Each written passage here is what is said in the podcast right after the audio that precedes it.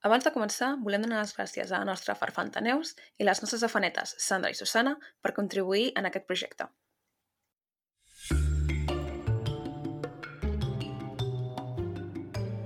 Benvinguts a Malandre Criminal, el podcast on comentem documentals de crims de la manera més cutre possible, perquè no sabem fer-ho millor. Jo sóc la Carla. Jo sóc la Marta. Jo sóc la Clara. Un moment, és que la Sally m'està... És que, de veritat, jo per què tinc gossos tan disfuncionals? Posa't. És que no, do, no dorm si no la tapes. Vale? Llavors... Sí, sí, de, o sigui, com una persona, vaja.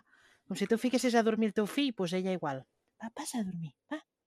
Llavors, ella té la seva manta i llavors es fica al llit i si no li fas cas comença com a plorar desesperada perquè la tapis. Llavors la tapes i ja, ja dorm. Fascinant, eh? Mm, Posa un podenco a la teva vida. Un podenc, un podenc andalús. Ai. Ai, Um, teniu alguna a dir? eh, doncs la veritat que no. Mm. No. Vale, perquè jo tinc una recomanació. Vale, va. Vinga, dale. Un podcast que Ojo. crec que és bastant conegut, però jo l'acabo de descobrir. I es Ok. diu Crímenes el musical. What? Eh, vale. Vale? Imagineu-vos. És true crime, història i musical, tota la vegada. En plan, Um, és com it's a yes from me. I què està plan a tot arreu? En castellà. Sí, jo l'estic escoltant a, a Apple Podcast. És superguai perquè són tots crims d'Espanya, però tots uh, de, o de molt principis del segle XX, en plan, als anys 1910 i tal, o del segle XIX. I està tot sí. basat en, bueno, els diaris de llavors i tal, però ho fan com musical. Llavors, Uh -huh. bueno, sembla més com si hagués de ser Um, que guai, no? un, superguai, un show de cabaret o alguna així, no? Hi ha com un presentador i diu no sé què i presenta la periodista, que no me'n recordo el seu nom, Anna algo crec que és. I llavors ella va explicant i de fons hi ha com un coro, no? I diu, y encontraron a tal muerto. I se sent per darrere, muerto, muerto. és superguai. Uau. És superfriqui, Que però és superguai. La apuñalaron por la espalda. Saps? Com així. Eh, guai. Hi ha com dos actes a cada episodi, no? Hi ha dues parts. La part on t'explica el cas i després sempre hi ha una segona part que és una entrevista amb un expert d'algú. En un episodi és un, no sé, un psicòleg forense, a l'altre és un criminòleg, l'altre és un arqueòleg forense, saps? Coses així. Cada dia és com una persona diferent. Hi ha molt pocs episodis, me'ls vaig tragar tots en una setmana. O sigui que... Que guai. Però és superguai. El recomano molt. Doncs pues ja el miraré. No el coneixia. Crímenes veritat. el musical, aquí. És que És que... um, em costa molt eh, escoltar podcasts que no siguin en anglès. No us passa? Ja, a mi també. Suposo perquè des de sempre els he escoltat en anglès. És com ara que em costa molt llegir, per exemple, si no és en anglès. Sí, a mi Eh, també. amb els podcasts em passa igual, algo igual. Sí, realment jo això ho vaig trobar perquè vaig dir, hòstia, ara que formes una mica, diguéssim, part de la comunitat del podcast d'aquí, Sí. potser hauries de, no sé, escoltar la competència, escoltar saps? Clar, de- sí, la... I n'havia escoltat alguns, no? Alguns Sí. episodis d'altres podcasts i tal. En castellà no, en català. Mhm. Però no sé, així com mirant, vaig trobar aquest i vaig Sí. dir, hòstia, mm, Crimen és el musical, em crida molt, i si a sobre em dius que són tot crims del segle XIX, em crida més encara. Ja. I, És guai, però és és això, guai. és en castellà. Però està guai, està guai. I no són gaire llargs, eh? Sigui, que La està guai. portada promet. Sí, la portada és un dibuix superxungo. Sí, mare mia, sembla tret de... Jo sé. A mi em fa certa gracieta perquè els coros són, són increïbles, de veritat. uh, després de diversos dies, el vaig veure com en un rànquing d'aquests d'oients i estava molt amunt, o sigui que realment el deu haver escoltat molta gent, però mm, nosaltres estàvem com al 150 o al 160, o sigui que ni tan mal. Però... Oh! No Sí, veus. de True Crime a Espanya. Tampoc hi ha tant de True Crime a Espanya, estem al final de tot. Bueno, és però- igual, però estem allà. Algo és algo. Però sí, sí. Bueno, això és tot el que tenia que dir. Doncs comencem amb el cas. Va. Tu escoltes podcast, Carla? Jo escolto podcast. No. Eh, no gaires. Eh, més que res perquè no tinc vida. I com que no tinc vida, doncs no escolto podcast. però és que tinc molt pocs guardats i vaig escoltant de tant en tant, però ara fa un huevo de temps que no, que no sento res. Abans com que anava més amunt i avall amb el tren i, i tal, doncs tenia com més Mm. temps per sentir-los, però ara se'm fa difícil trobar el moment. Si no és el cap de setmana o així, però tot i així, no escolto gaire, la veritat. I per descomptat, no escolto el nostre ni de, ni de conya, vamos. Home, malament. Clara, has vist el regal? Has escoltat el regal que et vam fer? Sí, sí, em va agradar, em va agradar. Pues et va felicitar molta gent, Clara, digues gràcies o alguna cosa. Ho vaig veure, ho vaig veure. Moltes gràcies a tothom. Bueno, això anirà un parell de setmanes tard, però dona igual. Bueno, és Bueno, igual. Però setmanes més tard és igual. És, és Aquario Season encara, així que igual. Ok. Ok. Què us anava a dir? És que no, em- no em deixeu acabar. Que a mi el que em passa amb els podcasts és que quan n'escolto un, en plan, el primer episodi, tinc, jo sóc un ànsies, vale? o sigui, molt ànsies. Llavors, què em passa? Que em vaig escoltar com tot l'episodi, o sigui, tot el podcast sencer. I si té 300 episodis, doncs no paro fins que escolto els 300 episodis per poder veure un altre podcast, saps? Soc com molt Mm. monògama, no us passa? No. Mm, no, jo sí que sóc una mica de... Si veig un podcast que crec que em tira l'atenció, vaig fins a l'episodi 1, que és el que dic Sí. que realment no s'ha de fer, perquè l'episodi 1 sempre és dolentíssim. Doncs pues jo sempre ho faig. A menys que sigui d'una gran productora o que els tregui alguna important. Jo però... també ho faig normalment. Però sí, i a veure què tal la vibe. Però jo el que em passa és que tinc... Tinc un, dos... Ara mateix tinc quatre podcasts que són els... Po... No, men- mentida, cinc podcasts que són els podcasts que porto sempre bastant al dia. Podcast que porto anys, i quan et dic anys, vull dir... Vaig començar a escoltar podcast el 2017, me'n recordo. el 2017, i ja, el primer que vaig començar a escoltar encara el segueixo escoltant, el porto al dia, no? Cute. I mm, llavors, és això, tinc aquests 4 o 5 podcasts que porto al dia o que com a molt em salto un o en acumulo dos o tres.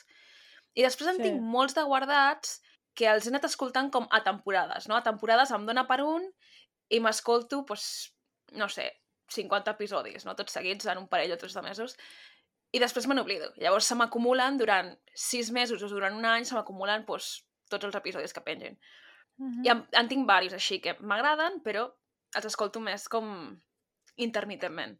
I després el que em passa molt és que estic com una mica sempre buscant algo nou, però mai acabant d'escoltar res més que aquests 4 o 5 que porto al dia. Ja. Que ens facin recomanacions. Bueno, a mi em passa, eh? Jo realment només em... Jo només porto el dia 3. Jo ara mateix zero, però bueno. De tot se sale. El 3. I així, jo em porto ara al dia crims, òbviament, excepte que els últims me'ls he saltats, no m'han cridat gaire atenció. Buah, veritat. jo Crims no l'escolto des de fa 3 milions d'anys. Jo sí, que el porto al dia, I need to get back, eh? Perquè com que surt el diumenge a la nit, el tren, el dilluns al matí, l'escolto. No. Porto My Favorite Murder, el porto al dia. Um, un d'història, el porto al dia. El de la Cienciologia, el porto bastant al dia. Igual les últimes parell de setmana no l'he escoltat. I el primer que vaig escoltar, que es diu Lore, que com que pengen dos cops al mes, no és difícil, saps, portar-lo al dia. Uh -huh. Llavors, Sí, sí. Jo no, jo només 3 i Crims, els últims 10 episodis no els he escoltat, segur. Em vaig quedar amb aquell que fan de, del segrest d'aquella família que el, el pare és banquer. sí. Aquest és l'últim que he escoltat de Crims. Tampoc n'han fet molts des de llavors, eh? Ah, doncs mira, doncs des d'aquell Perquè no he escoltat A veure, espera, no, sí, hi havia de la dona embarassada. Spoiler. Um, jo me n'he saltat un parell eh, de, de crims que no m'han quedat l'atenció. Saps què em va passar? Que vaig descobrir, vaig descobrir la de Vanished i té 400 episodis. I llavors, Sí. clar, me l'he posat des del principi, l'estic escoltant tot el dia i a part tinc com l'ansietat de que no arribo a l'últim episodi. Quan dius, bueno, és ben fàcil escoltar l'últim episodi i ja està, no?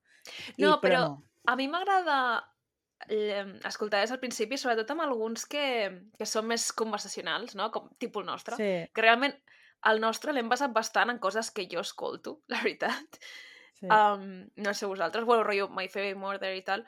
I clar, el que et passa és que a vegades llavors fan alguna referència, alguna conya, clar, i dius, no sé, sí, o no. fan updates. saps? De Clar. casos passats. És que si em poso l'últim, llavors al final m'està explicant el cas X, doncs no sé quin és.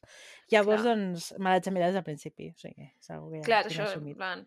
Vaig escoltar els episodis del 2018 per enterar-me de què estan dient ara. Exacte. Literal, literalment, literalment. Alguns que són més... que es nota que és un guió i una persona parlant i és més... Això, que no, no és una conversa, sí que de tant en tant doncs, em salto algun o si no em crida l'atenció el Sí. títol o el que sigui. Però aquests que són més Sí. així conversacionals... Conversacionals. Existeix aquesta paraula, conversacionals? No sé, però bueno, Bueno. ja t'hem entès. És igual, aquests sí que els intento portar més seguits i no, no saltar-me'ls. Sí, sí, sí. sí. Aviam, molt interessant la conversa, però portem ja 12 minuts de podcast. I després sempre ens queden com de 3 hores. Vinga, doncs dale, si t'estem esperant, Carla, vull dir, veritat, és culpa teva. No, doncs jo us estic esperant a que us calleu. Estic omplint, que ja no sabem què dir, a veure si comences. No. Eh, fa 3 hores que estic esperant que calleu. No compta. Va, que començo. Esteu preparades? Mira, des de fa 12 minuts estem preparades. clar, és que... Va, doncs, Què? ens situem.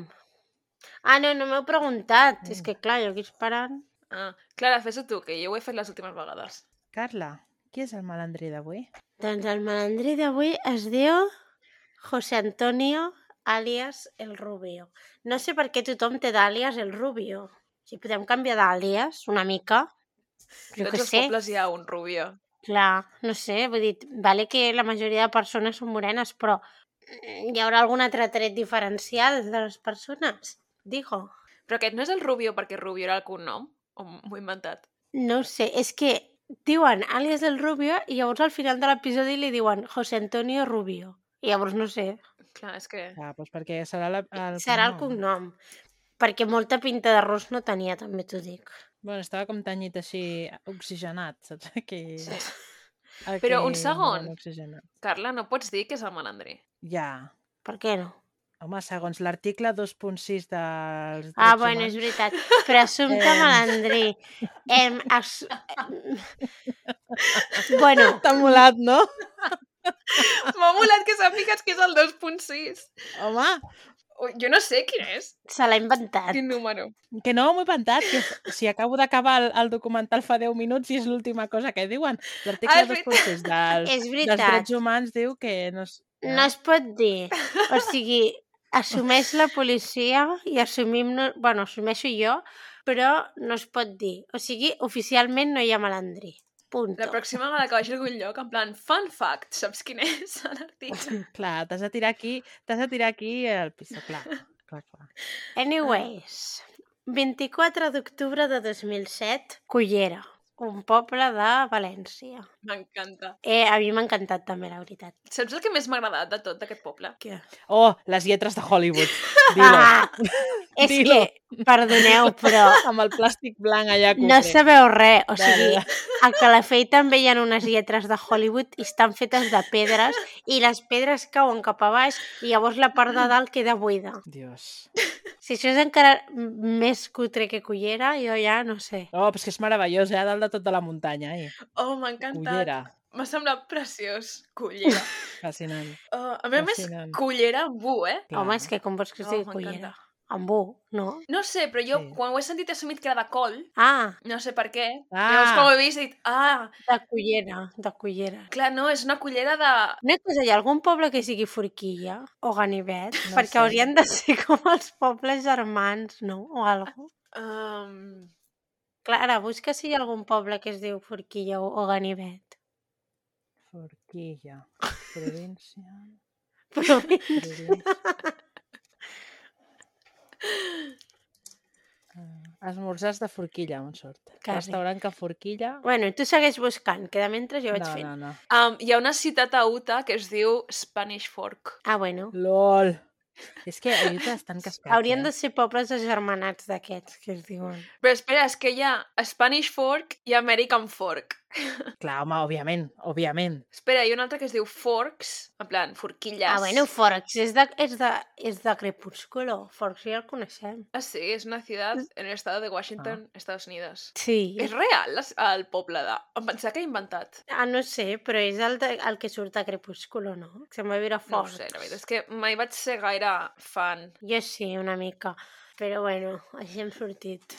Anyways, a Cullera viu el Raül Uller, de 34 anys, que està casat amb la Immaculada, que per futures referències li direm Imma perquè si no no acabarem mai el podcast. Viu a Cullera, però treballa a Torrent, un polígon industrial, bueno, un polígon industrial que està a 40 quilòmetres. Aquí expliquen una mica la rutina d'ell, és que surt de treballar a les dues, eh, i llavors se'n va cap a, a no sé què fer, i llavors se'n va cap a casa i quan surt la seva dona es troben allà. Bueno, ens explica una mica la rutina del dia a dia, però ens és igual perquè no és el que passa. A la tarda del 24 d'octubre, la Imma tenia una trucada perduda del Raül i el truca, però ell no li agafa el telèfon. Cap al vespre encara no ha tornat a casa i llavors el dia següent la Imma va a la Guàrdia Civil per denunciar la desaparició. La Guàrdia Civil recull totes les dades importants, o sigui, totes les dades que es recullen normalment, eh, rotllo nom, alçada, descripció física, aquestes coses. Però descobreixen que la Imma, que és molt llesta, ja havia estat fent tota una sèrie de gestions abans d'anar a la policia. O sigui, havia trucat a hospitals, havia anat a diferents llocs i això, abans d'anar a la policia. O sigui, que ella ja tenia com coses. I què passa? Que saben que el Raül aquella tarda havia estat a Cullera perquè un policia local que d'aquests que controla el trànsit quan els nens surten de l'escola i tal, eh, l'havia vist que dius també quina memòria, perquè amb la gent que deu passar per allà, jo no sé si me'n recordaria, la veritat. No, però el coneixia, no? O no? No Molt sé, no ho diu, no em sona. Diu que, no sé, No només diu que un policia local l'ha vist. O sigui que a, la tarda ha estat a Cullera. Llavors, clar, d'entre totes aquestes gestions que la Imma havia fet, una d'elles era demanar un duplicat de la targeta del telèfon per poder rastrejar els moviments del, del seu marit. Mm, em sembla una mica estrany, o sigui, no estrany però curiós, totes les gestions que fa quan encara no l'ha ni denunciat la desaparició, o sigui, la Imma estava ready perquè desaparegués el Raül. O sigui, estava preparada per aquest moment, l'havia entrenat. Igual era fan del True Crime. pues segurament, perquè si no, com algú pensa totes les coses que pensa aquesta abans d'anar a la policia? I com li dona temps? Perquè si se suposa que es troben com cap a la tarda, o sigui, està a tope la Imma. Mm. Bueno, això que m'ha semblat una mica estrany. Perquè és que no només acaba aquí, o sigui, a part del que demana el duplicat de la targeta, també averigua que el Raül havia parlat amb un amic a qui li volia vendre o qui li havia venut una moto d'aigua i tenien uns rotllos de que li havia d'acabar de pagar la moto però encara no li havia pagat. En fi, que aquest amic és el José Antonio alias el Rubio o José Antonio Rubio o whatever. I a part d'això, el Raül també li havia enviat un missatge a un amic seu per dir-li que no aniria al gimnàs. Uh -huh. O sigui, fins aquí una mica raro, però si només llegíssim com fins aquí, donaria la sensació de que el Raül s'ha pirat. Però anem a Sí. seguir. Hi ha hagut un moment, haig de dir, just abans que em posés a veure el documental, la, Clara, la, la Carla m'ha dit al final hi ha un plot twist, no sé què, i jo m'he passat tot el documental intentant averiguar quin era el plot twist.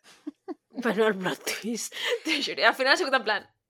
Ah, Bueno, és que hi ha molts plot twists. bueno, no sé, potser m'esperava alguna més pel·liculero, perquè m'has dit, buah, el, tot, el plot twist del final. Bueno, jo pensant- no t'he dit, ah, no sé què, t'he dit, vaya plot twist al final. Era sense tant d'entusiasme, Marta. Pues jo m'he decepcionat, eh? ja us ho dic. Breus, gràcies. Jo ho he llegit amb més Però- A entusiasme. més, és bastant poc satisfactori, haig de dir la veritat. No, perquè jo des del minut 1 m'he pensat que era la dona. Jo també. Ah. I jo ho esperava, o sigui, ja estava esperant en Tenia el plot tots els vibes, eh, la dona. Sí, Clar, sí, sí. i lo de ha marxat ell i ara apareixerà i és un complot per cobrar assegurances o alguna cosa m'ha passat pel cap. El, ha sigut la dona i ha incriminat a l'altre m'ha passat pel cap. El, ara apareixerà tota un...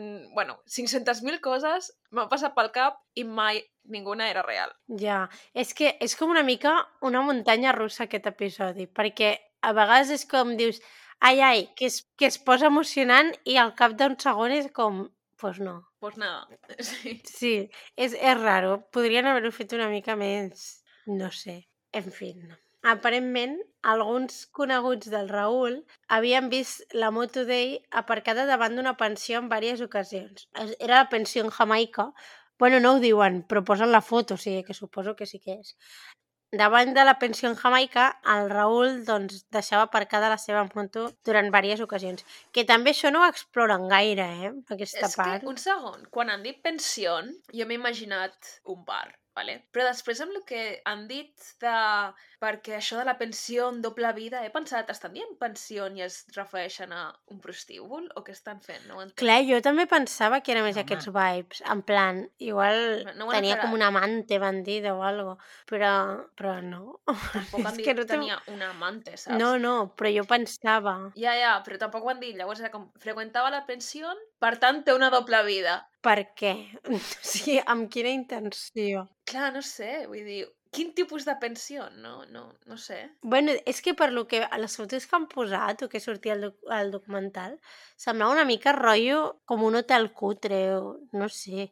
És que era com raro perquè hi havia una foto que me'n recordo que semblava com si estiguessis entrant en una presó. Era una cosa raríssima, perquè me sortia com una, una reixa, bueno, no sé. Però com que a molts pobles el, la pensió o l'hotel o l'hostal del poble és també el restaurant del poble i el bar del Clar, poble. clar, sí, aquí també hi ha, hi ha un, hi ha un, entre cometes, hotel d'aquest de poble que, que és, és un restaurant i és hotel. Però què poble? Sí, la pensió està a València. Ah, fuck. Al costat, de, al carrer que està al costat del, de l'estació del nord, on hi ha Ah, la sí, és plaça veritat. El poble de Sella, si allò és, és, si estigués la Potser- pensió l'oli a, a l'FNAC. Home, de es diu Barcelona. pensió en Jamaica, no sé com dir-te. Vull Bueno, dir... però que vull dir que Potser la Clara hauria de fer ella l'episodi així de memòria, perquè clarament... la pensió del poble, Déu. El poble No, en no, concret, és que no he posat, és que no he posat lo de l'estació del nord i no sé què. Ho poso des... Ah, mira, ho poso més a baix, però no ho he posat aquí. Bueno, és igual. Que sí que és una pensió. L'he vist fa un parell d'hores i tampoc... No, i jo l'he vist aquesta tarda, vull dir, no és com dir-t'ho. Eh, Madre mía. tampoc... Mare jo em pensava que sé. era algun poble random o... No sé, on treballava. no sé, teníem, té més pinta de cosa de poble que no de ciutat, tot així. Vale, vale. Però és igual. Vinga. A, amb la Imma, la Imma va a la pensió i quan parla amb l'encarregada, bueno, diuen la que està ahí, o sigui que no sabem si és l'encarregada o la de la recepció o què, però bueno, una persona de l'estaff de la pensió en Jamaica parla amb la Imma i la Imma la nota molt nerviosa. Al començament li diu que no el coneix i després li diu que sí, que una altra vegada Eh, repeteixo, no s'explora gaire més el tema, ja està, fins aquí queda la pensió en Jamaica. Vull dir, què passa amb aquesta dona? Què sap? Què sap aquesta dona? Clar, és que aquí ens- estan faltant detalls. Vull dir, fins on arriba aquesta conversa? Pregunto. Bueno, perquè no hauria ser interessant. Home, però sí que és interessant, Ah. perquè la- és una noia que està nerviosa. és interessant. Bueno, per les drogues, I ja està. és el que jo he entès, no sé. En fi, una altra decepció. Jo tot, crec que tot això de la pensió i tal t'ho expliquen per posar-te en context que tenia una doble vida, no? Ja, però vaya merda doble vida, vull dir que era, era narc... Bueno, no. Home, doble vida és traficant de drogues, no sé, quina merda de doble vida, diu. No Vaya sé. vida, No té una família de fa mil anys amb, un- amb tres fills o algun... Pff, jo què sé. Pues vale, pues trafica amb drogues, pues mm, felicitats. Però no, Carla, tenir una doble A la vida... Carla traficar amb drogues i ser un criminal no li sembla suficientment emocionant. No. No, el que li sembla emocionant és tenir tres fills amb una altra dona.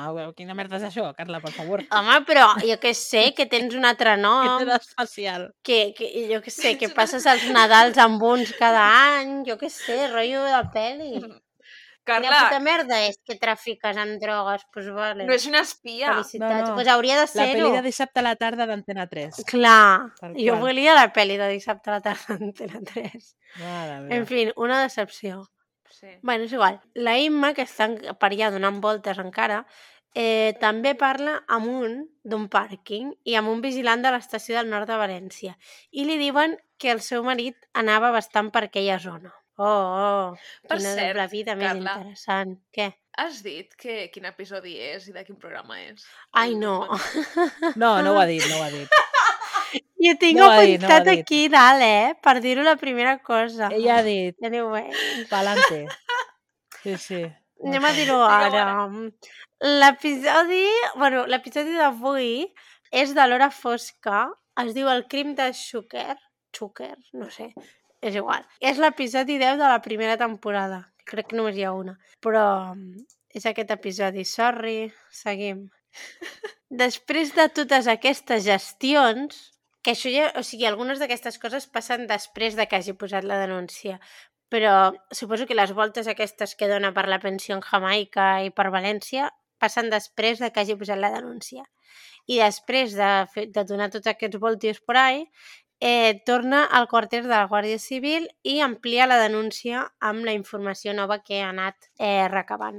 Tothom creu, és a dir, tothom em refereixo a familiars i amics, creuen que no ha marxat per voluntat pròpia i que li ha passat alguna cosa. Que crec que és bastant comú, que crec que ningú pensa que algú un familiar o algú marxi per voluntat pròpia, la majoria de vegades. Mm -hmm. No sé, o almenys sempre que desapareix Ja. algú és com, no, no pot haver marxat si era molt feliç. Bueno, Yeah. també pensa que les persones o les famílies que els hi desapareixen familiars per voluntat pròpia no els hi fan documentals, saps? En plan, Ja, doncs haurien, eh?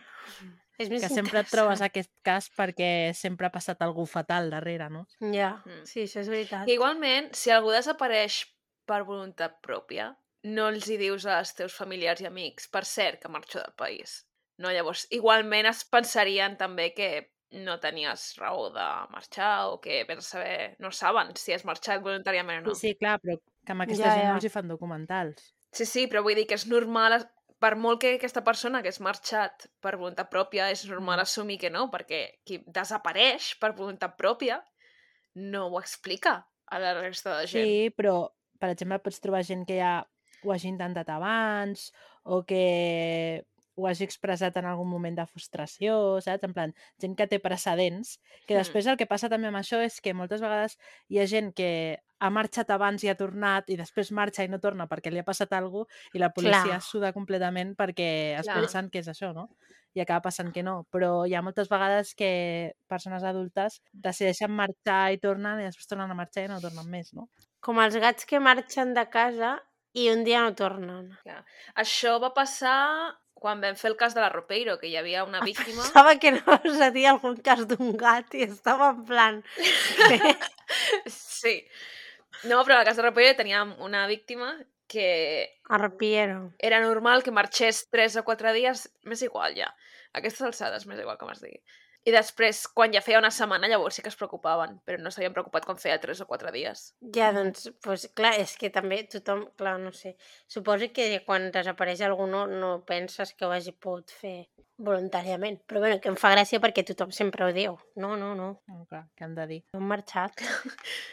En fi, que llavors els familiars es mobilitzen, comencen a penjar cartells eh, per, per, per tot arreu, però en 3 o 4 dies doncs no, no en saben res més, no hi ha notícies noves. Llavors també es parla una mica, suposo que per exposar això de la doble vida, sobre la forma de vida que seguia aquesta persona perquè no quadrava gaire.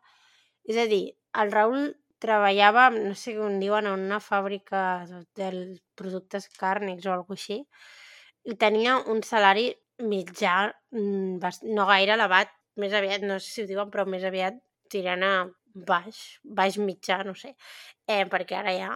Eh, sortia molt, tenia una moto gran, vivia en una zona bastant acomodada i en el documental diuen que tenia com certs luxes que en principi no es podia permetre segons el seu, el seu sou o els que ells creuen que, que guanyava. I llavors també diuen que faltava moltes vegades a la feina, que constantment trucava que no es trobava bé i també estava apuntat al gimnàs i no anava quasi mai.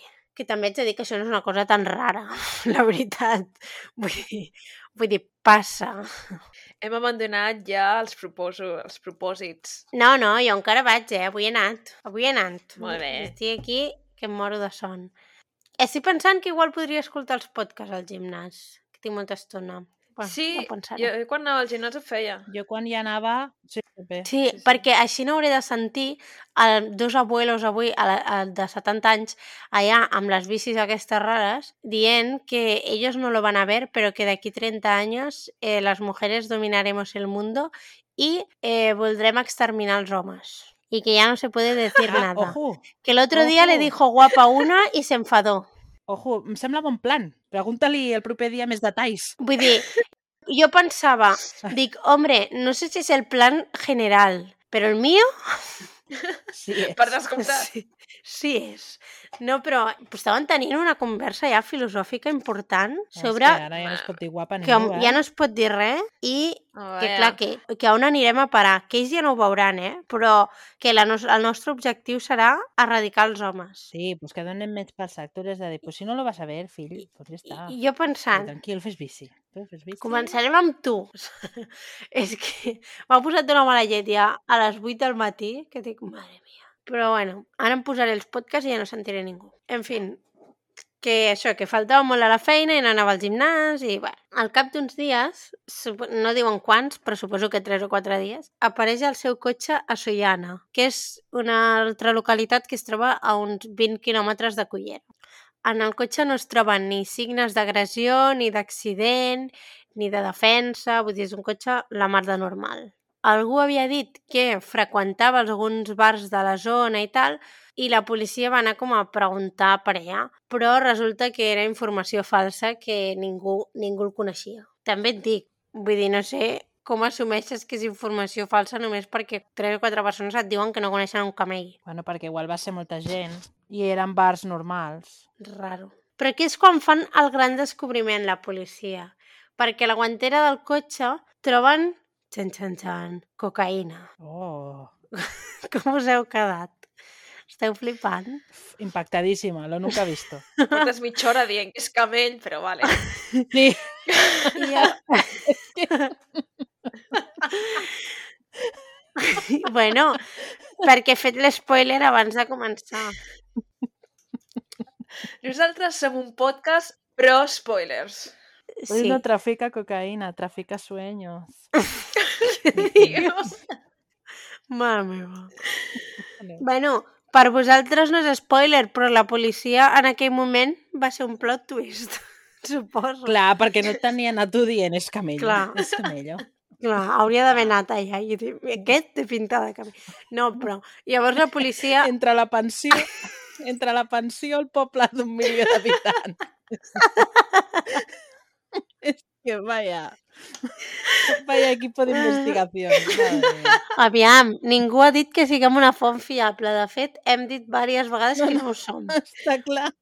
Vàries vegades, ho diem en cada episodi. Sí. Llavors aquí la policia assumeix que o bé és cocaïnoman o és camell. Que dius, bueno, és una opció bastant viable. O sigui, una de les dues ha de ser. O també pot ser d'un amic seu, que a vegades també passen aquestes coses. Se li ha caigut el cotxe i no se sap. Sí, se li ha caigut a la guantera. Sí. Igual la tenia oberta i se li ha caigut. Anyways, el 4 de novembre, porta 11 dies desaparegut, uns pescadors veuen un bulto raro lligat en una cadena. Dos punts al cadàver Toma. del Raül, per si no quedava clar. Per si no us esperàveu. Oh, no. No, no, no. El cadàver és del desaparegut? Podria ser d'una altra persona.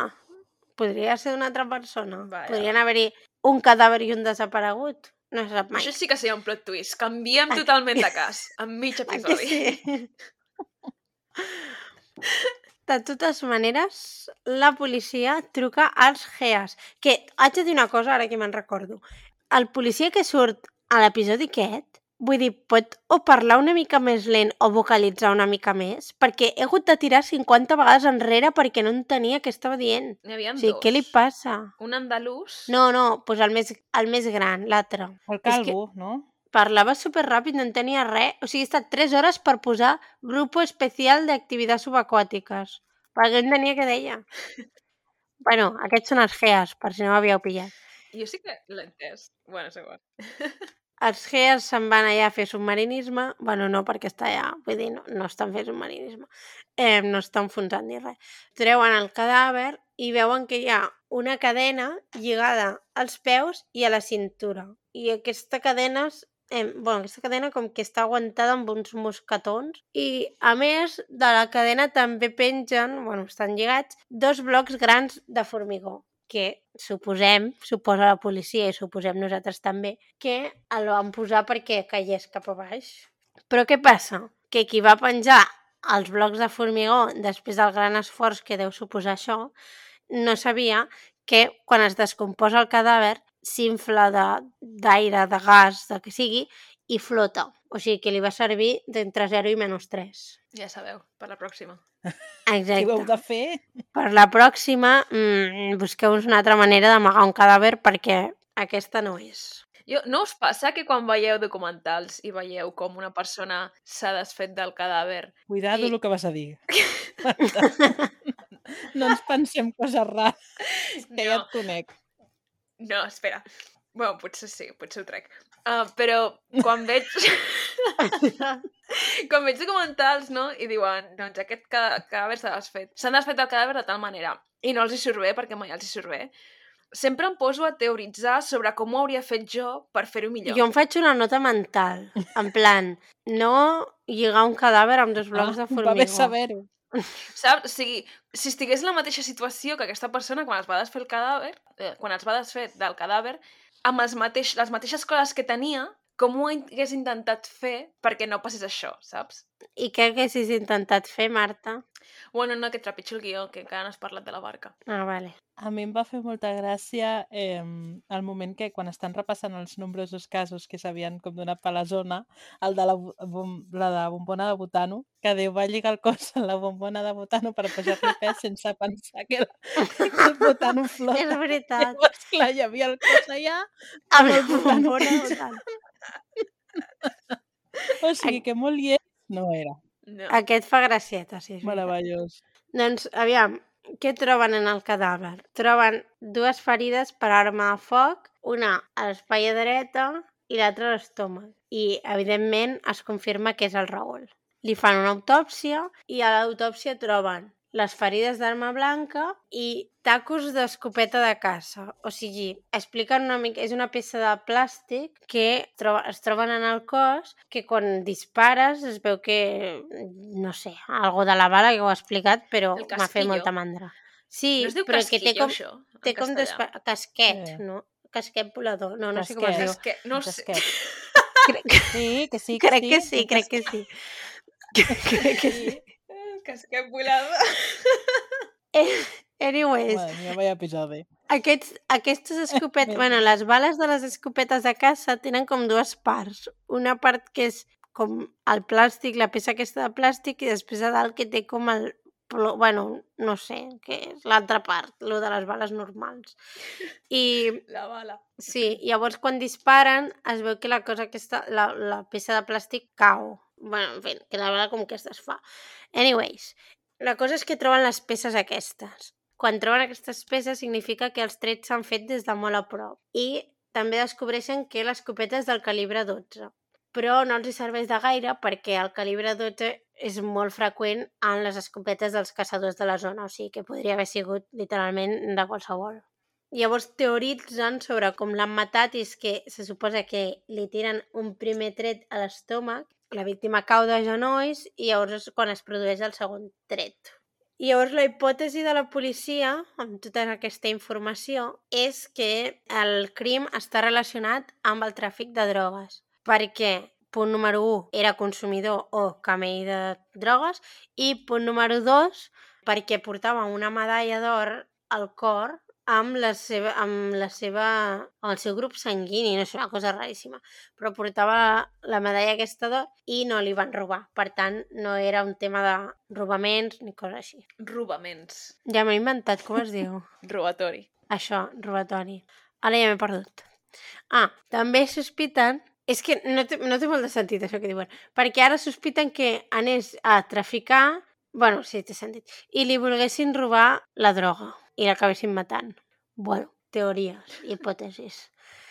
I llavors eh, començ, fan com una mica d'anàlisis perquè diuen que hi ha hagut moltes desaparicions i morts similars eh, recentment a la zona de, del riu. I a part de, de la relació d'aquests morts amb les drogues, no troben cap fil conductor, o sigui que no, ells no creuen que hi hagi com una organització criminal assentada a la zona ni, ni res de tot això. O sigui, no li troben com relació en aquests crims, a part de tots són per temes de drogues. Que a mi em sembla un fil conductor bastant interessant, però bueno, ells no troben res més a part d'això. I llavors centren la investigació en l'entorn familiar i en els amics de la víctima. I la Imma, que és una crac, troba l'agenda del trafiqueo, que li he anomenat. I és l'agenda, bueno, com un llibre de comptes que el Raül té amb els, bueno, amb les diferents transaccions, els diners, els deutes que tenia, el que, el que venia i tot això. Que dius, molt útil, probablement poc amagat, i no sé, vull dir, si portava una doble vida, pues vaya mierda, que ho escrigui en una agenda que l'altre pot trobar en qualsevol moment. Raül, així no es porta No una sé. doble vida. La tindria ben amagada. Però si te la troba la Imma és que ben amagada no estava. Bueno, tampoc buscaria gaire la Imma abans de que el matessin. Clar, doncs per això.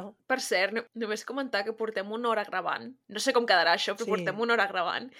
I no hem fet ni la meitat del documental, que dura una hora. I 20 minuts, sí, sí. 20 minuts de... És que és culpa de la Carla. Per què? Pues si ja quasi Sí, sí, estem, sí. portem la meitat ja. Com que quasi estem? Si no hem començat. Com és possible que agafem un episodi d'una hora i el nostre resum, en comptes d'una hora, duri dos? Perdona, por... heu passat un quart d'hora parlant de no sé què, que ja ni me'n recordo. Home... És que, Carla, sisplau. Aviam, que les intros cada dia se'ns en van més de les mans, també t'ho dic. Una cosa que segur que la gent està aquí passant me- 30, 30, 30. En plan, bé, que, va, que parlin de lo interessant. 30? 30 segons. Ah, Mare mia. mare mia. Bueno, va, espavila, Carla. El resum. Bueno, és que m'esteu parant tota estona. Jo estava aquí El tranquil·lament. resum, el resum final. Aviam, que segueixo, perquè ara ve una part interessant, que a mi m'ha fet molta gràcia. Vinga, va. I és el fet que quan descobreixen quan descobreixen que sí que està mort, que han de buscar qui l'ha matat i tal, el pare i el germà del Raül diuen, van a la policia i li diuen mira, sí, que jo ja sabia que el meu fill traficava amb, amb cocaïna. O sigui, quina puta merda de doble vida és aquesta, si ho sap tothom, menys la pobra Imma. Si ho sap tothom. Està No, no, obsessionada amb la doble vida. Sí, la policia comença a trobar interessant el personatge de el Rubio, que és el José Antonio. El noi de Cullera, que si no ens en recordeu, és amb el que el Raül s'havia estat, bueno, s'havia vist aquella tarda, eh, la tarda que va desaparèixer, per al tema de la moto i no sé quin rotllo. A més, també és el mateix que acompanya a la Imma a fer gestions per València quan l'altre ha desaparegut. Què dius? Si va ser ell, manda huevos, també t'ho dic. Clar, jo aquí em pensava que Que estarien junts. ella i ell tenien una Clar, història jo també ho he pensat, plan, això. fet complot per Mm. matar-lo i és que clar, veus, és que m'ha fallat a mi aquest episodi, eh? Ja us ho vaig a dir. Podria haver sigut molt més interessant, la veritat. I llavors li prenen declaració al, al José Antonio i diuen que ell també és traficant i és soci del Raül. No treballava, vivia, no sé com es diu això, un adossado, però no sé com es diu en català. Adossat. No, no sé com es diu. No ho sé, la veritat. I, que havia, I no treballava perquè havia cobrat una herència de la mort del seu pare. Es veu que en aquesta casa on viu va molta gent a consumir drogues. I també tenia un deute amb el Raül, bueno, tenia dos deutes amb el Raül. Un de 6.000 euros per la moto aquàtica aquesta i un altre de 18.000 euros per drogues. A més a més, si no, us ha, si no us està aquí, si no us penseu que és ell, us vaig a dir més coses. El Rubio és caçador i té dues escopetes. A més, té una caseta molt a prop d'on es troba el cadàver. Una caseta, vull dir, rotllo, una caseta cutre, no una caseta mona. I això, bueno, que tots aquests indicis el converteixen en el principal sospitós. La policia també descobreix que només es podia deixar el cadàver on, al lloc on el van trobar amb una barca, o sigui, només es podia accedir allà al mig del riu amb una barca. I a la parcel·la del Rubio troben una barqueta enfonsada amb dos blocs de, de formigó a dins. Que si ha sigut ell, és el criminal més tonto de la història. Veus, jo el que hagués fet aquí hagués sigut deixar el cadàver lligat dins la barca, amb tots els formigons dins la barca, i enfonsar la barca enmig del llac. Clar, és que d'aquesta barca t'has de desfer, d'alguna manera o altra, perquè, vamos... Clar, però si lligues el cadàver a la barca i fiques formigó a la barca, seria Ja. molt més difícil que el cos pugés cap amunt que si només la lligues amb formigó. Sí, Llavors- és veritat. Ho fas enmig del llac perquè troben aquesta barca perquè està al costat de l'embarcadero. És bueno, que no, no es diu embarcadero, com es digui. Ho fas enmig del llac i després pues, és una moll, no? putada, però Al nades. moll. Al moll, això. Ho fas enmig del llac i després és una putada, però nades. Mm, Vull dir, ja has matat una persona. Mm, I aquí... Em diràs que No crec que li és vingués de mullar-se una miqueta Clar. a no sé quines hores I de aquestes l'any. et desfas de la roba que portes, que segur que està plena de sang. Clar, és que jo crec que es guarda masses proves. Mm, Va, bueno, es troben uns forats al fons de la barca i a dins de la caseta faltaven quatre blocs de formigó. O sigui, hi havia com un forat on havien d'anar quatre blocs de formigó. Els dos que es troben a la barca i els dos que es troben amb el cadàver. Un amic del, del Rubio diu que sempre porta com un remolc per posar els gossos de casa amb una cadena gran. I aquesta cadena tampoc la troben amb el remolc. Es fa un registre a fons de, de tota la parcel·la i troben una gota de sang en una fulla que hi ha d'una planta a prop de l'embarcador. I també troben més sang en una tovallola que està dins de la, de la caseta. mhm. I llavors l'equip de criminalística es desplaça a Cullera, a la casa del José Antonio. Allà troben més escopetes i més restes de sang. Envien totes aquestes mostres per trobar el perfil eh, genètic de la sang que troben. Llavors insinuen, i aquí com una, un dels periodistes que apareix insinua, que el José Antonio, de 22 anys, podria haver matat el seu pare, però no el van detenir pel tema o almenys insinuen, perquè el seu pare troba tam eh, també en circumstàncies una mica estranyes i, bueno, diuen que el podria haver matat, però no, no se sap ni, ni, està, ni té cap mena de càrrecs ni res per això. Però sí que en parlen. Llavors li, li prenen declaració ja com a detingut i confirma que té un deute de 6.000 euros amb el Rubén, ai, el Rubén, el Raül, mare mia, no li diré mai bé el nom, el pobre, però nega el deute de 18.000 euros. Diu que ell tenia relació amb la víctima per venda d'animals, però no de drogues. I a més diu que van quedar a casa seva el dia de la desaparició perquè ell li fes un dels pagaments que li anava fent i que després el, el Raül se'n va anar. O sigui, li va fer el pagament i se'n va anar. Però aquí passa una cosa estranya, bueno, no estranya, en veritat passa bastant, que és que la impressió general del barri, dels veïns i tal, és que no podia haver sigut ell perquè era un bon xic i que sempre saludava a tothom i aquestes coses. Vull dir, lo de sempre. Ell, però, diu que aquell dia havia estat en un aniversari d'un amic i amb la seva nòvia. Però resulta que amb la nòvia va estar el dia següent i que només va estar fins a les 9 de, de la nit, no tota la nit com ell va dir que estava. I a l'aniversari només va passar un moment per donar un regal i va marxar. O sigui que la, la coartada se li desmunta, en aquest sentit. Hi ha periodistes que creuen que no ho podria haver fet sol. Clar, pensa en tot, en tot el que s'ha de fer. O sigui, primer l'has de matar, després l'has d'arrossegar, l'has de lligar al formigó, l'has de portar amb la barca, deixar-lo enmig del riu... bueno, que alguns dels policies que apareixen en el documental creuen que no ho podria haver fet sol i que segurament ho ha fet amb algú altre. Però la policia creu que sí, que és, És un equip. que és perfectament capaç d'haver-ho fet sol. Però bueno, no se sap. Eh, llavors el jutge decreta llibertat sota fiança i el Rubio troba els diners literalment en unes hores. En unes hores troba 24.000 euros. Després de tenir un deute suposadament de 24.000 euros. Com troba aquest xaval la droga? De les drogues. Sí, sí, vull dir, ja, però si... Assumint que diu la veritat i que no té lios de drogues, que sembla que sí, no? Però d'on polles treus 24 Clar, és que no se sorprèn el 24 jutge. euros, no, vale. Ja, igual algú li deixa. 24.000 euros? Sí. Així del no res, en unes hores. Hi ha gent que té 24.000 euros Sí. per deixar, eh? Vull dir, és algú com molt loco, però sí, sí. Una cosa que no tinc ni idea i m'ha vingut al cap. Però si a tu et detenen i tens una fiança tipus això, tu pots demanar un préstec? No ho sé. Eh, I jo el que em pregunto és, això t'esgrava? és una donació a l'Estado? És que clar, vull dir, això com funciona? Home, no crec que sí. Hòstia, Però clar, jo no entenc. O sigui, a a tu et posen a la presó Espera, vaig a buscar. Mira, la fiança desgrava. Jo és que aquest tema no l'acabo d'entendre, lo de les fiances. Perquè tu et posen a la presó, anem a dir, com a, de manera preventiva, i et posen amb una fiança de X diners, i tu pagues la fiança i després resulta que no ets tu. Llavors què passa amb aquesta fiança? Igual t'ho tornen, no? T'ho tornen? Tu creus? No ho sé. Home, si ets totalment innocent, I de totes maneres, tu li dones la capacitat a una persona o l'oportunitat de comprar la seva llibertat podent haver sigut que ha matat algú.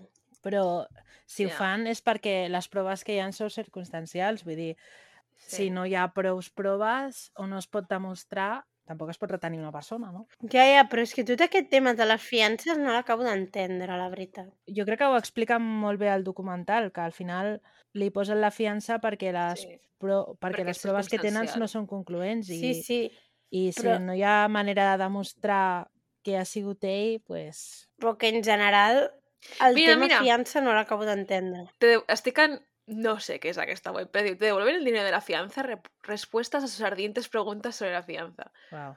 Hay dos escenarios que terminan si se le devolverá el dinero de la fianza.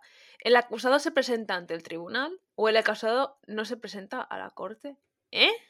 Buscant.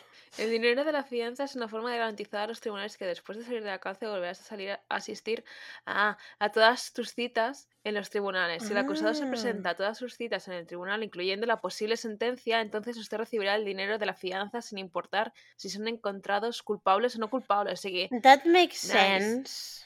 estan assegurant que et presentaràs tots els dies. Això té més sentit. Sí. Y llavors diu, segunda, si el acusado no se presenta a la corte, si el acusado falta al tribunal o se va de la ciudad, la fianza no se devuelve. El tribunal se quedará con el dinero que usted os, y os usuarios que I aquests diners quin... Tampoco se le devolverá el dinero de la fianza si el acusado es arrestado de nuevo después de haber sido liberado bajo fianza. Em pixo. Mm, Vale, vale, vale. Si, si et presentes a totes les cites i al, i al jutjat i tal, siguis culpable o no, et tornen els diners. Pues que això té sentit, Si no perquè si no el tema o- fiança no l'entenc. Bueno, pues, te l'explico, te l'estic explicant. Però això, si no et presentes o la lies i et tornen a tenir, doncs tampoc t'ho tornen. Em sembla Mhm. correcte, la veritat. Ja està, vinga. Molt bé, vale. Això segons Raleigh Bail Bonds Open 24 Hours. No sé si fiar-me'n. Però, No, però té sentit, no? Dir, però té sentit, té sentit, té lògica. No m'havia parat de pensar mai, la veritat. Val, doncs segueixo, eh? Vinga, tira. Bueno, la família diu que no entenen la decisió del jutge de posar- de posar-li una fiança perquè normalment quan es tracta d'un cas d'aquests no posen fiança perquè no, no pot sortir i ja està. Però se suposa que el jutge no troba prous proves per tenir-lo sense fiança, a més no hi ha risc de fuga ni ha intentat obstruir la feina de la Guàrdia Civil en cap moment. El que realment tenien eren indicis, no proves. I llavors no el poden retenir. Eh, la policia segueix intentant recollir informació i proves perquè estan convençuts que ha sigut ell, però llavors què passa? Que al desembre de 2008, i aquest era el plot twist que jo em referia, no sé, a la Marta, però... Anyways, arriben els resultats de l'anàlisi d'ADN i es descobreix que la sang no és del Raül. I llavors, clar, el José Antonio no té càrrecs ni, ni res. A més, tampoc poden aportar més proves sobre l'escena del crim perquè els dies després de, del crim hi ha unes pluges torrencials que fan que doncs, totes les coses que pugui haver-hi, petjades, mostres d'ADN, el que sigui, se les emporten totes. I llavors, doncs, encara dificulta una mica més la feina de la policia. Que també és bastant convenient perquè sempre que passa alguna cosa d'aquestes, després hi ha pluges fortes. Jo no sé, en plan, quin tipus de pacte... Sempre hi ha pluges torrencials. A que sí? Mm. Però bueno, eh, al final no se sap què ha sigut, el cas se suposa que encara està obert i que en el moment del documental, que no sé quin any és, encara queden sis anys perquè prescrigui el cas. Llavors la policia surt El dir... documental va ser aquest any passat. Ah, doncs això, doncs deuen quedar cinc, sis, cinc o sis anys perquè prescrigui el cas. I la policia se suposa que no s'ho prenen com un cas tancat, perquè no ho és. O sigui, que s'ho prenen com un cas obert. Xan, xan, xan. Sí, però l'he buscat i no hi ha mm, avanços, no hi ha absolutament res. És que igual no pot haver-hi res més. Ni tan sols una notícia que digui encara s'estan buscant. Vull dir, totes les notícies que surten són del 2007, 2008, 2009. Ja. A no ser que surti algun testimoni o alguna cosa que... No crec que puguin fer res més. A més, Ja. s'han marcat aquí un crims interessant, eh? Fent l'últim episodi sense resoldre. Ja. Mm. sí. És la fórmula. Sí, eh? Però ja està, pues aquí s'acaba el capítol. Nice. Voleu comentar alguna cosa? Mm, No tinc cap reflexió final, la veritat. És que no hi ha molt per reflexionar. no, bueno, m'ha agradat, però és- l'he trobat com molt, com molt lo de sempre, no? Vull dir, I això, i que espero que ho acabin trobant, ja més que res per la família, perquè deu ser molt frustrant, saps? No, no tenir Ja. respostes ni solucions. Vosaltres creieu que la família creu que ha sigut ell? Que ha sigut el José Antonio? Sí, Sí, segurament. vaja, a mi em sembla veure. molt clar, no sé. Per molt que les proves siguin totes circumstancial i la prova d'ADN mm, et pugui indicar que no ho és, aquesta persona diuen que era caçador. Aquella sang no, no especifiquen si era d'animal o de persona. Podria ser de qualsevol cosa, aquella Sí. sang. O podria ser d'ell mateix, eh? amb qualsevol cosa. Sí, podria ser qualsevol cosa. I però això no descarta que no pogués matar-lo en una altra zona o en aquella zona mateixa al costat del moll que després van haver les... Sí. mm, Clar, les és que, aviam, Sí que és veritat que la resta de proves que apunten a ell, sí, són circumstancials, però són moltes proves que apro- és que apunten són moltes proves circumstancials. Al final Mm. està Mm. com... Bueno, no sé, jo ho veig bastant clar. I també, sabent Sí. després al final tot el que se sap, em sembla bas bastant raro que l'acompanyés a, la, a, la, a la Imma por ahí. Perquè al final, o sigui, no em sembla raro en certes circumstàncies, perquè suposo que la gent intenta com fer veure que no sap res, però que al final, no sé, és un noi de 22 anys, no sé si ha pensat com molt més enllà després de matar algú, no sé, vull dir, saps el que, el que vull dir? Mm. que em sembla, em sembla raro, saps? D'ell. O sigui, si fos una altra persona, o si fos una persona més gran o el que sigui, saps? Potser sí que ho veuria com aquesta intenció de, de fer veure que no sap res, però no sé, em sembla com bastant estrany d'ell. Em, No, a mi no tant, que- la veritat. Eh? Ah, hem de dir un, un, un emoticono, no? Un emoji. Ah. Seguim fent això? Sí que la gent ens ho diu, en plan, ens ho posa un muntó. El d'avui ha de ser una barca. Hi ha una No? barca? Vale. Una barqueta. Segur que sí. Segur que hi Una ha. barca. No, home. A veure, espera, vaig a buscar una barqueta. El ninja. Mira, hi ha una barqueta igual. Perfecte. Doncs pues una barqueta. Ok. Una barqueta. Hi ha moltes barques per Pues això, vinga, eh? pues... Que, bueno, que ens posin la que Sí, vulguin. bueno, la que els Bueno. agradi més. Eh, totes. Això, totes. Dilo, Tantes dilo. barques hi